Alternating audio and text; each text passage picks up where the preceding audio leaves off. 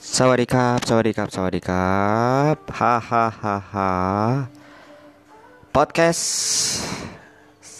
Sawadikap, podcast orang Indonesia yang ada di Thailand ingin cerita-cerita tentang kehidupan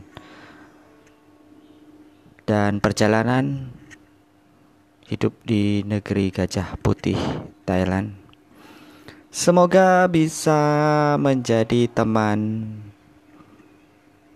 penghibur atau teman untuk didengarkan di sela-sela kehidupan kalian.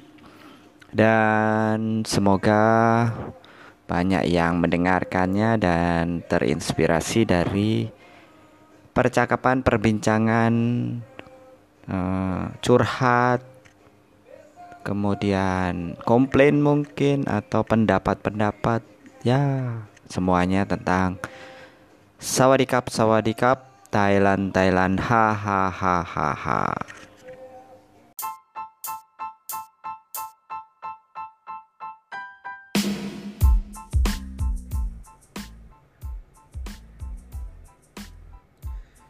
Halo rekan-rekan podcast sekalian Kembali lagi bersama saya Robertus Bojolksono Berbincang-bincang tentang Thailand hal-hal dan informasi tentang Thailand. Selamat mendengarkan. Kali ini saya ingin mengambil topik tentang ya, perbedaan antara orang Thailand ketika memilih bahasa apa yang dia pilih. Saya bersama rekan saya yang menjadi narasumber. Uh, saya akan mulai dengan pertanyaan tentang bahasa Indonesia yang ada di Thailand ini. Apa yang selama ini dipelajari atau dipilih orang Thailand ketika memilih bahasa asing? Selain bahasa Inggris ya. Oke selamat pagi saya sebut nama atau enggak nih? Sebut nama enggak apa-apa Pak saya bersama seorang sensei. Dia adalah dosen bahasa Jepang juga dosen bahasa Inggris juga dosen bahasa Indonesia multi bahasa sudah berpengalaman mengajar sebagai dosen di Thailand mungkin tujuh tahunan. Ini langsung saja saya ke apa kabar pak? Baik pak. Baik, baik ya gimana hari ini? Um, uh, cuaca uh, cuacanya bagus. Cuacanya agak mendung. Hari ini mendung terus masih work from home. Terus ada lagi jadwal dadakan kayak gini harus ngajar. Belum juga apa ya mempersiapkan lessonnya kayak gimana? Uh, apa bedanya waktu offline sama online? Itu sama nggak? Bedanya? Situasinya. Bedanya saya pikir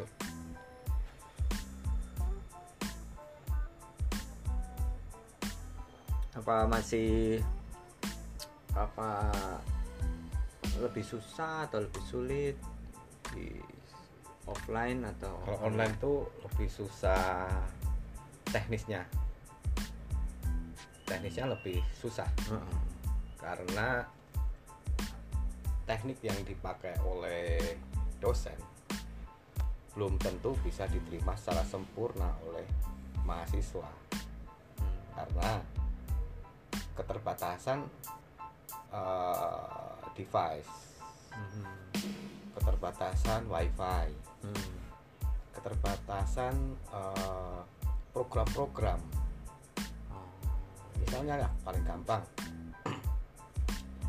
Eh, kita harus mengajar. Nah program kita itu pakai misalnya pakai Adobe Flash. Adobe Flash. Yes. Heeh. kan? Adobe Flash. Nah ketika kita pakai program ini terus eh, anak-anak kita kita minta untuk membu- membuka kalau mereka tidak punya programnya mereka tidak akan bisa buka ini. Harus jadi harus ada Adobe Flash dulu. Itu harus download. pengaruh device dan softwarenya ya? Ya pengaruh teknis. Teknisnya ya. ya. Itu kalau online? Kalau online. Tapi untuk cakupan eh, apa ya perlu pengembangan pengembangan materinya itu lebih baik online karena online kan open source. Kita bisa akses ke mana aja. Jadi lebih sulit offline daripada online. Online lebih mudah. Kalau saya online lebih mudah. Online lebih mudah Iya. ya? Online lebih mudah dan lebih baik. Tinggal bagaimana cara kita mengajar mengajarkan materi itu karena anak bisa diterima atau tidak. Hmm.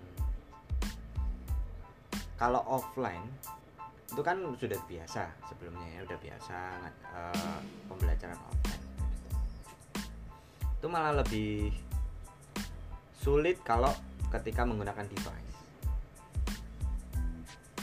Karena program itu kan tadi yang di kelas pun mereka pakai device juga. Pakai device. Ya, Kalau- beberapa sudah menggunakan kalau di- handphone. Mata kuliah saya. Cuma dari segi ke kebebasan eh, comfortnya itu saya pikir mereka lebih nyaman kalau belajar dari rumah. Mereka bisa santai. Hmm. mereka nggak perlu terburu-buru ke ke kampus pagi-pagi. Hmm. ya kan? Yang penting ada internet materi sudah ada Hmm. ya jalan dah. Terus eh, dosennya juga udah mempersiapkan materi online-nya jalan semua. Selama ini hampir satu tahun ya sejak covid. Eh, ya materi-materi online saya ya syukurlah udah siap semuanya. Jadi anak-anak itu sudah terbiasa juga dengan eh, aplikasi-aplikasi yang saya buat. Apa aja pak aplikasi yang udah dibuat? Aplikasi seperti quiz online kayak gitu PowerPoint. Ini basicnya kan pasti PowerPoint. Hmm. tapi untuk quiz itu saya pakainya quiz online. Saya bikin sendiri. Nah itu membuat uh, aplikasi, software dan program itu karena COVID atau karena harus online atau sudah dibuat sebelumnya. sudah dibuat sebelumnya. Jadi sebenarnya nggak ini COVID ini nggak ada pengaruhnya iya sebenarnya nggak ada Saya- maksudnya. Oh gara-gara COVID aku buat program buat ini yang harus online nih. Gitu. iya Jadi sebelumnya udah buat banyak itu. Ya? karena saya suka bermain device Hmm. dengan device suka dengan itu So, uh, program-program komputer. ya? ya awalnya saya nggak nggak suka nggak tahu malahan program-program itu tapi penggunaan eh, gadget ini sangat membantu sangat membantu Untuk ya? orang untuk belajar pada masa ini. pada masa sebelum covid pun Iya iya. saya udah gembor-gembor e-learning Indonesia Iya iya iya. post di Facebook itu lima tahun yang lalu Enggak, saya ingat waktu itu udah buat eh, aplikasi App Store ya, iya yang Galeri Indonesia. Iya. Ya itu salah satunya itu. iya Itu sebelum Covid jauh-jauh hari itu saya. Iya. saya- Itu karena adanya eh, mahasiswa di Thailand ini sudah kom punya perlengkapan handphone yang canggih. iya Pada umumnya ya, mereka rata-rata punya handphone yang aplikasi apa Android. Walaupun waktu itu ada yang Apple juga ya, iya menggunakan iPhone, iPhone. yang jelas akses internetnya di sini udah bagus akses internetnya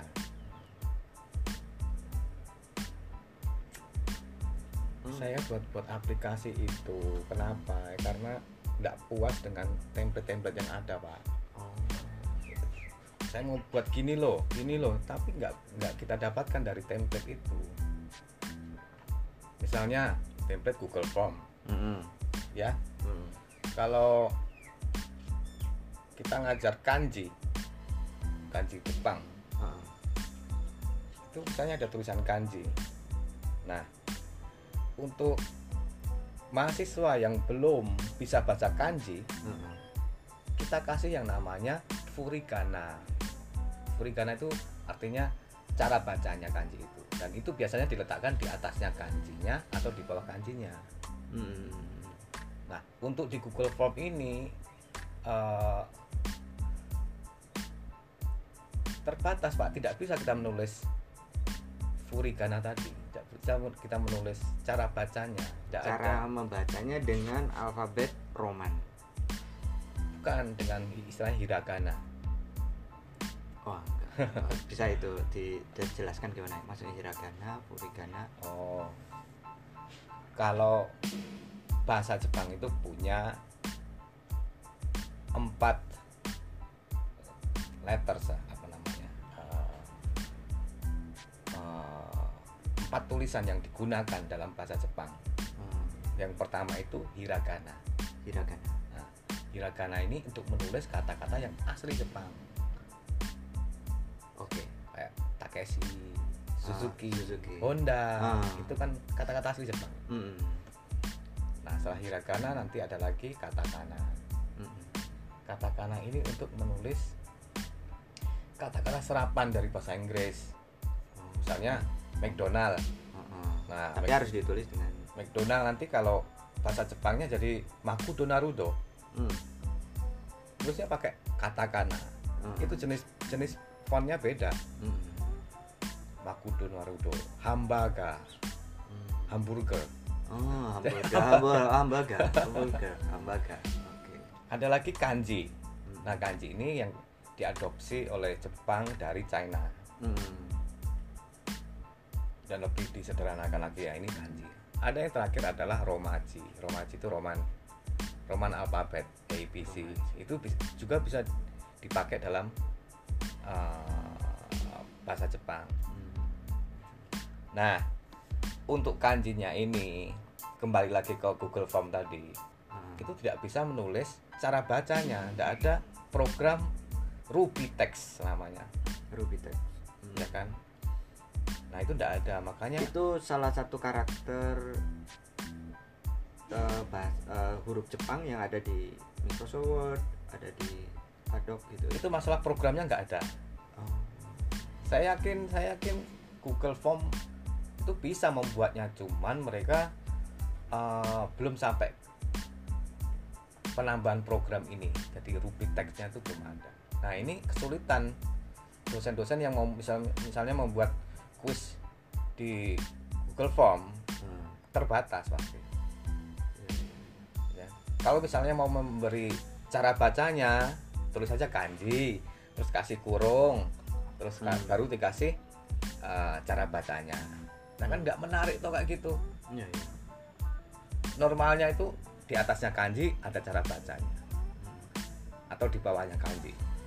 Nah itu salah satu ketidakpuasan saya. Nah, yang lainnya juga ada apa ya eh, masalah player, audio player. Itu nggak ada di audio player tuh ada tapi kita harus harus klik link toh ke link yang lain. terus lompat ke link yang lain Ah, terus uh, screennya jadi hitam hmm. kalau kita mau menampilkan audio dengan gambar Hmm. itu tidak bisa satu satu screen satu layar misalnya ada ada sebuah dialog ya kan dialog pilihlah gambar yang mana ini tentang apa Hmm. Nah, kalau kita pakai Google Form, ketika kita klik linknya, linknya ini akan lari ke Google Drive, Hmm. di mana file MP3-nya ini disimpan. Hmm. Pada waktu dia eh, ganti ke Google Drive, itu kan screen-nya langsung hitam, nggak kelihatan soalnya kayak gimana. Nah, itu keterbatasan bagi saya. barrier ya Iya. Nah, saya membangun apa namanya aplikasi online ini ya sesuai apa yang saya inginkan. Hmm. ini aplikasi ini udah berapa lama di mulai dikerjakan? Aplikasi ini saya kerjakan sudah lama bahkan sejak sebelum COVID, Pak. Berarti 2019 2018 waktu itu ya? Yang Iya, mulai iya. dirancang ya? Ya ya gitulah masih ajar-ajaran sampai sekarang pun juga masih belum sempurna. Saya pikir IT itu nggak pernah ada nggak belum pernah apa namanya stop. Terus berkembang terus? Ya terus berkembang melakukan modifikasi. Kurang ini kurang ini kurang ini. Kenapa pak eh, suka dengan program ini? Awalnya gimana sih suka mulai mengcoding me- me- menulis dengan JavaScript. Satu lagi apa itu? HTML HTML CSS itu. Itu saya banyak belajar ini dari Pak Sony. Ken- kenapa awalnya kok suka dengan itu? Dan- ya sama saja. Kembali ke kita lah sebagai pengajar ya kan. Sebagai pengajar itu gimana kita memprogram anak-anak toh dengan Mhm. ilmu yang kita pakai kita punya mm-mm, kita program mereka kepala mereka. Mm, dengan bahasa Indonesia atau bahasa Jepang bahasa Inggris. Mm, kita mau anak ini nanti jadi begini loh. Mm-mm. akhirnya eh, ya dengan seperti dengan apa ya motivasi seperti ini saya juga ingin mengembangkan eh, program pembelajaran secara online. Agar yang yang program- dibuat sendiri. Iya agar apa yang saya inginkan di kepala saya ini bisa bisa dituangkan di dalam bisa di saya implementasikan ke anak-anak Hmm. ide-ide. I- selama ini kan yang buat program itu kaum IT ya kaum IT nah kan Pak Sony nggak pernah belajar IT nggak pernah belajar di kuliah kan? Memang kuliah komputer. Enggak pak. Kok bisa? Ini autodidak. Jadi sebenarnya ini autodidak. Autodidak kalau boleh tahu di mana belajarnya? Di YouTube kah atau di ya semua. Eh, semua informasi baik di YouTube baik uh, Waitress School. Ada ya apa ya? namanya eh, ya. Setiap hari saya itu ngulik istilahnya ngoding cari ini codingnya ini kenapa tidak ketemu. Hmm. Ya, dari kegag- kegagalan-kegagalan ini saya bisa menemukan eh, banyak jawaban untuk membangun aplikasi Ya, para pendengar sekalian, sebenarnya eh, Anda bisa akses juga di App Store, namanya Galeri Indonesia ya, Pak ya. Di App Store-nya ya. itu Yang sudah- belum sempurna pak Ya, tapi kan sudah bisa di-download Ya. sama silakan para pendengar setia salam hahaha sawadikra hahaha di sini untuk bisa cek di App Store kalian masing-masing di handphone kalian namanya Galeri Indonesia. Ah, bukan. Apa namanya, Pak? Nusantara Nusantara. Klik aja Nusantara, cek itu hasil eh, itu kalau nggak salah sudah di launching tahun 2018 ya. 4 tahun yang lalu ya. iya Dan itu sudah bisa digunakan untuk mengajar tentang budaya Indonesia. Saya juga gunakan untuk mengajar juga ya waktu itu di di Bagi yang mau belajar tentang Indonesia, orang asing, everybody want to learn Indonesia, you can check in the App Store, Google App Store ya, Google App Store Nusantara. Klik Nusantara. Itu salah satu karya dari Pak Sony yang sudah di launching. Bayar ya Pak ya? saya gratiskan Oh gratis, free sebenarnya gratis. Jadi se- se- segera mungkin di di upload, di download. pertamanya saya bayar Oh dulu pernah berbayar, Ah. sekarang anak-anak katanya wah ini. wah bayar 20 aja pada keberatan sini Dan aplikasi itu sudah digunakan untuk mengajar ya, sudah Iya, aktif sudah iya. digunakan. Selama ini Pak Sandi juga mengajar bahasa Indonesia di Raja Batu Kosong Thailand, Pisanulok. pernah dipakai oleh Pak Kedubes Dan Pak A, A, apa? Pak? Astari Mustari. Pak ah, Pak Tasa ya Pak Mustari Mustafa. Ya, salah satu. saya ingat tuh dikasih 100 dolar. Wah itu waktu Phuket. itu harganya 100 dolar. Di Phuket ya itu waktu itu. pertama kali. Itu udah mulai berbeda oke kembali ke topik tadi itu pak. Ini kan punya pengalaman mengajar orang Thailand. Bahasa Jepang dan bahasa Indonesia gimana? Apa perbedaannya? Perbedaannya ketika mengajar orang Thailand yang belajar bahasa Jepang dan ketika orang Thailand yang belajar bahasa Indonesia dan sekarang ngajar bahasa Inggris lagi? Motivasinya pak. Oh motivasinya beda. Iya. kenapa? Kenapa? Motivasinya kalau anak-anak yang belajar bahasa Jepang itu karena mereka satu menyukai Mm-mm. uh, budaya modern Jepang seperti manga, anime, Mm-mm. gitu kan. Terus majunya industri Jepang juga memotivasi mereka untuk bekerja di perusahaan Jepang. karena motivasi nanti setelah lulus bisa bahasa Jepang Ya, dan terus banyak juga kan di sini lapangan pekerjaan uh, PMA, di Thailand banyak, ya, banyak PMA itu. perus PMA itu perusahaan milik asingnya perusahaan asing di perusahaan asing Jepang di Thailand. Ya. oh iya ya banyak sekali ya itu banyak sekali. Kalau Rayong bahasa Loburi itu.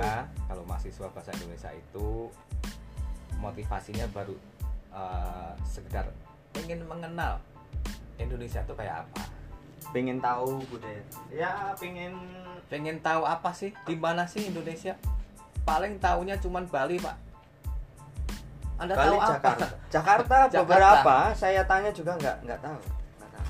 Apa yang anda kenal tentang Indonesia? Bali ya. Bali. Sama satu Borobudur. Ah Borobudur. selama saya tanya juga sama. Itu Bali Borobudur. Nah, mereka kan baru sedikit, tapi meskipun sedikit, dua ikon ini Bali, Borobudur itu jadi trigger buat pengajar bahasa Indonesia di Thailand ini untuk semakin mengembangkan, ya kan? Hmm. Cobalah, sampai saya tanya ya Pak, Hmm. apa yang anda kenal tentang Bangladesh?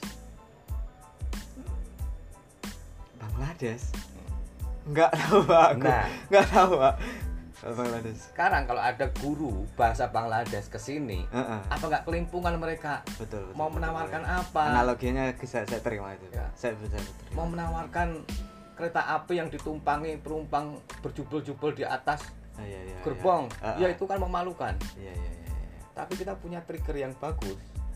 Bali dan Borobudur agak sensitif saya kalau tanya ini gimana kalau Indonesia oh teroris sorry ya ini agak sensitif. Ini nggak apa kan? Open aja. Justru itu juga kesempatan bagi kita untuk Cara- mem- memberikan oke. apa oke. eh, pemahaman yang positif Oke. keadaan yang positif. Oke. sebenarnya Indonesia tuh kayak gini loh. Nih materi-materi yang saya buatkan itu nggak ada hubungannya dengan apa namanya eh, politik. keimanan politik ya kan jadi ya. mahasiswa itu ketika belajar budaya Indonesia itu mereka diharapkan menerima hal-hal yang positif. Ya kan? Namanya juga orang mau mengenal kok pak. Hmm. coba orang Bangladesh mengenalkan apa? Keretanya. Ya jadi ketawaan dong. Iya iya iya. Kita tuh punya Bali punya Borobudur punya Raja Ampat Danau Toba oh dari dua ikon ini sekarang mereka sudah banyak mengerti semua tentang Indonesia dari nama pulaunya ya kan? Di mana ada nikel di mana ada emas. Oh orang Thailand pengen tahu itu apalagi mereka yang kerja-kerja di industri. Iya iya. atau eh, PT PAL Indonesia dia udah bikin bikin apa ya kapal perang atau PT Pindad Hmm. Nah. mahasiswa saya ini banyak yang dari army juga dari tentara ya. iya mereka nanti kerjasamanya dengan TNI nah ya, jadi memang motivasinya secara keseluruhan untuk mahasiswa Thailand yang mau belajar bahasa Indonesia mereka ingin mengenal Hmm. mereka sebenarnya sudah kenal. Ada Bali ada Borobudur. Tapi dia pengen lebih mengenal lagi.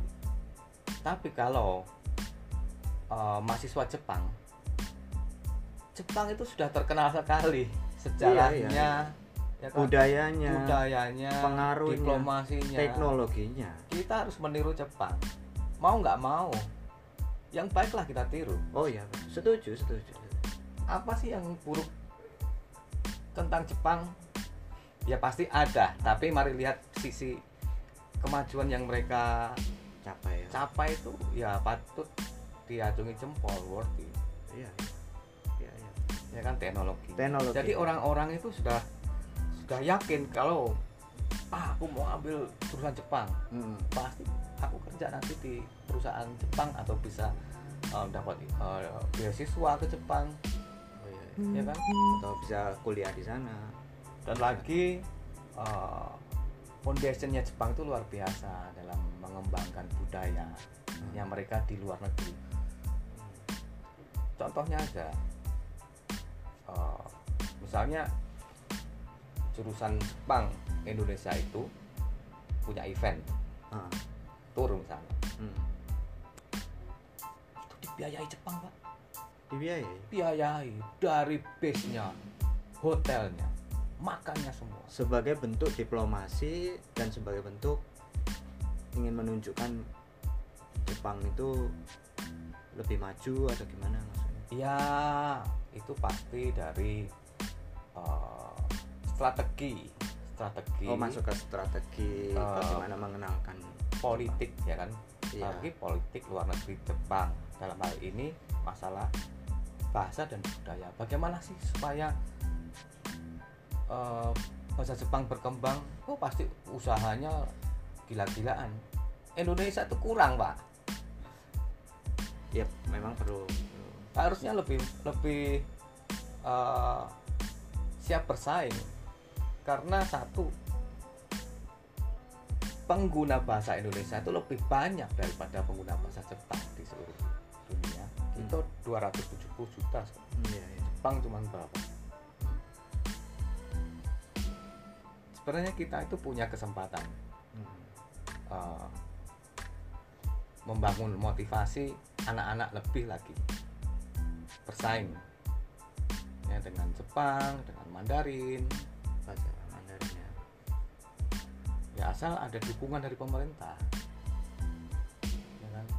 Ya, Iya. ya sekarang dukungannya kalau saya lihat uh, memperbaiki internal dulu Mm-mm. Indonesia loh ya Mm-mm. internalnya diperbaiki Mm. yang radikal-radikal ini ya mulai meredam lah ya Iya, kan iya. yang nakal-nakal ini harus didisiplinkan Iya disiplin. Tar- harus harus fokus pada ya di dalam dulu di dalam dulu sebelum keluar ya. atau pengembangan daerah turism. Ya, ya kan? Fasilitas-fasilitasnya dilengkapi, dilengkapi. Diperbaiki, jadi orang nyaman. Keamanan Ah. untuk orang asing. Mau berkunjung. Ya, Tapi- sih. itu sayang itu kayak Borobudur ya. Hmm. uh, World Heritage yang luar biasa seperti itu diperlakukan kayak jualan kacang goreng pak. Oleh pemerintah Indonesia Maksudnya gimana? ya cuman bangunannya itu satu jedet besar ya Ah, coba lihat dari drone atas sekitarnya pak kering kerontang tidak dibangun apa kayak misalnya ada pohon-pohonan yang banyak kayak rindang rimbun enggak Tapi saya dengar dari ini ya eh, Gubernur Jawa Tengah Pak Ganjar sudah mulai baru Nah, baru mulai membuka kawasan-kawasan wisata yang bisa industri. Iya. Nah mungkin sekarang wajahnya. Akan berubah mungkin. Hmm. Nah itu satu. Satu lagi akses ya kan dari loket masuk ke Borobudur tuh jauhnya pak. Jalan kaki panas-panas. nggak ada fasilitas-fasilitas yang mungkin kendaraan untuk jemputan atau misalnya Ya ada, ada tapi kan Terbatas, para ya. pelancong itu kan orang asing tuh malu naik odong-odong pak. hmm, Di sana kan yang disediakan odong-odong pak, yang mobil anak-anak itu Hmm. ya kurang elegan lah ya kecuali itu pakai apa namanya itu yang apa itu troli yang di atas gitu apa itu namanya nah itu Fly. kayak di taman mini Hmm. itu kan keren toh Hmm. uang masuknya aja satu orang itu tiga ratus ribu Iya, iya, iya. Wajib belum nanti pulangnya pak Hmm. pulangnya itu disetting oleh pemerintah lokal itu bulat-bulat masuk ke toko-toko kerajinan itu pak Hmm. pokoknya suruh melewati ini toko kerajinan itu nah, ke Borobuturnya aja udah la- lama ngecapein pulangnya masih diputer-puterin lagi sama dengan Prambanan juga Jadi pada umumnya perlu diperbaiki sarana dan fasilitas Iya. pariwisata di Indonesia. Kalau Kalau berkaca dengan Thailand yang sudah yang sebenarnya nggak bisa dibandingkan dengan Iya. keindahan Indonesia, Iya. tapi fasilitasnya luar Iya. biasa. bagaimana mengemas produk pa- pariwisata. Kalau kita punya produk itu luar biasa, nggak ada yang bisa ngalahin Indonesia. Produk alam, Ya, sum- kekayaan alam, Kekayaan malam ya, ya. ya kan? Tempat-tempat Yang pariwisata. kita suguhkan ke wisatawan ini, alam Indonesia. Kalau di Thailand ini yang mereka suguhkan ke wisatawan, kenyamanannya. itu ikonnya paling juga tempel-tempel itu buatan manusia. Hmm. kalau alamnya masih jauh dong pak Iyalah. Kita punya danau nah Toba. ta- tapi orang Thailand itu pintar mengena mengemas produk pariwisata mereka jadi infrastrukturnya dibangun bagus jalan menuju lokasinya jalannya bagus. transportnya terus satu nyaman nyaman. jadi orang orang Thailand itu enggak kayak orang Indonesia lah. Nah, ya, saya yakin pasti di Thailand juga banyak pedagang asongan Ah, nah tapi tertib, tertib ramah. jadi enggak nakal Hmm. sama wisatawan asing nggak dipaksa beli Hmm. ya kan ya mereka santai jualan Hmm. ya kan nggak maksa Hmm. nggak sampai datangi eh, ini ini ini Hmm. Kalau Indonesia coba di Borobudur pak aduh Iya. malu-malu ini tuh pak ya itu salah satu yang yang harus diperbaiki di Indonesia. Ya mencontoh bagaimana Thailand mengemas pariwisata begitu bagus aman dan kebanyakan tempat wisata di Thailand gratis ya. Gratis. Ya. Tapi Tempat-tempat ada juga ada yang bayar ya. seperti di di Bangkok. Oh ya di Bangkok Ya. Tempat-tempat wisata yang sudah terkenal. Tapi pada umumnya oke aman. Oh ya masih ada pencurian atau itu masih ada lah tapi nggak setinggi tingkat kriminalitasnya seperti di Indonesia. Itu kan yang paling bikin ya kalau ingin nyaman Bali. Bali. Wisatawan merasa nyaman di sana.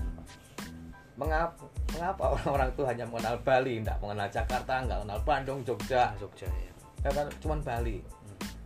terkenalnya ini bukan cuman pariwisatanya tapi dari dari mereka-mereka yang pernah pergi ke Bali terus memberikan testimoninya oh nyaman orang-orang Bali itu nggak rese Hmm. ya kan Eh, nggak banyak scam lah misalnya Hmm. transportasinya juga baik di sana selain menyuguhkan eh, wisata alam Hmm. tapi dari tradisi Bali orang-orang Bali itu itu pun jadi ikon wisata mereka Oke Pak Sony ini udah Wah, lama sekali ya Pak. ngajar lagi tapi nanti ada part 2, part 3, part 4, part 5 dan selanjutnya masih ngobrol tentang Thailand. Para pendengar setia Sawadi hahaha di podcast ini simak terus tonton terus dan jangan lupa tadi ada aplikasi Google App Store Nusantara dan beberapa website yang bisa digunakan untuk mengetahui informasi-informasi tentang budaya, bahasa, dan info-info unik Thailand. Jangan lupa saya juga punya website ya pakputs.com. Makasih Pak Sony, lanjutkan besok lagi ya. sama-sama Pak Oke, Selamat bekerja. selamat bekerja.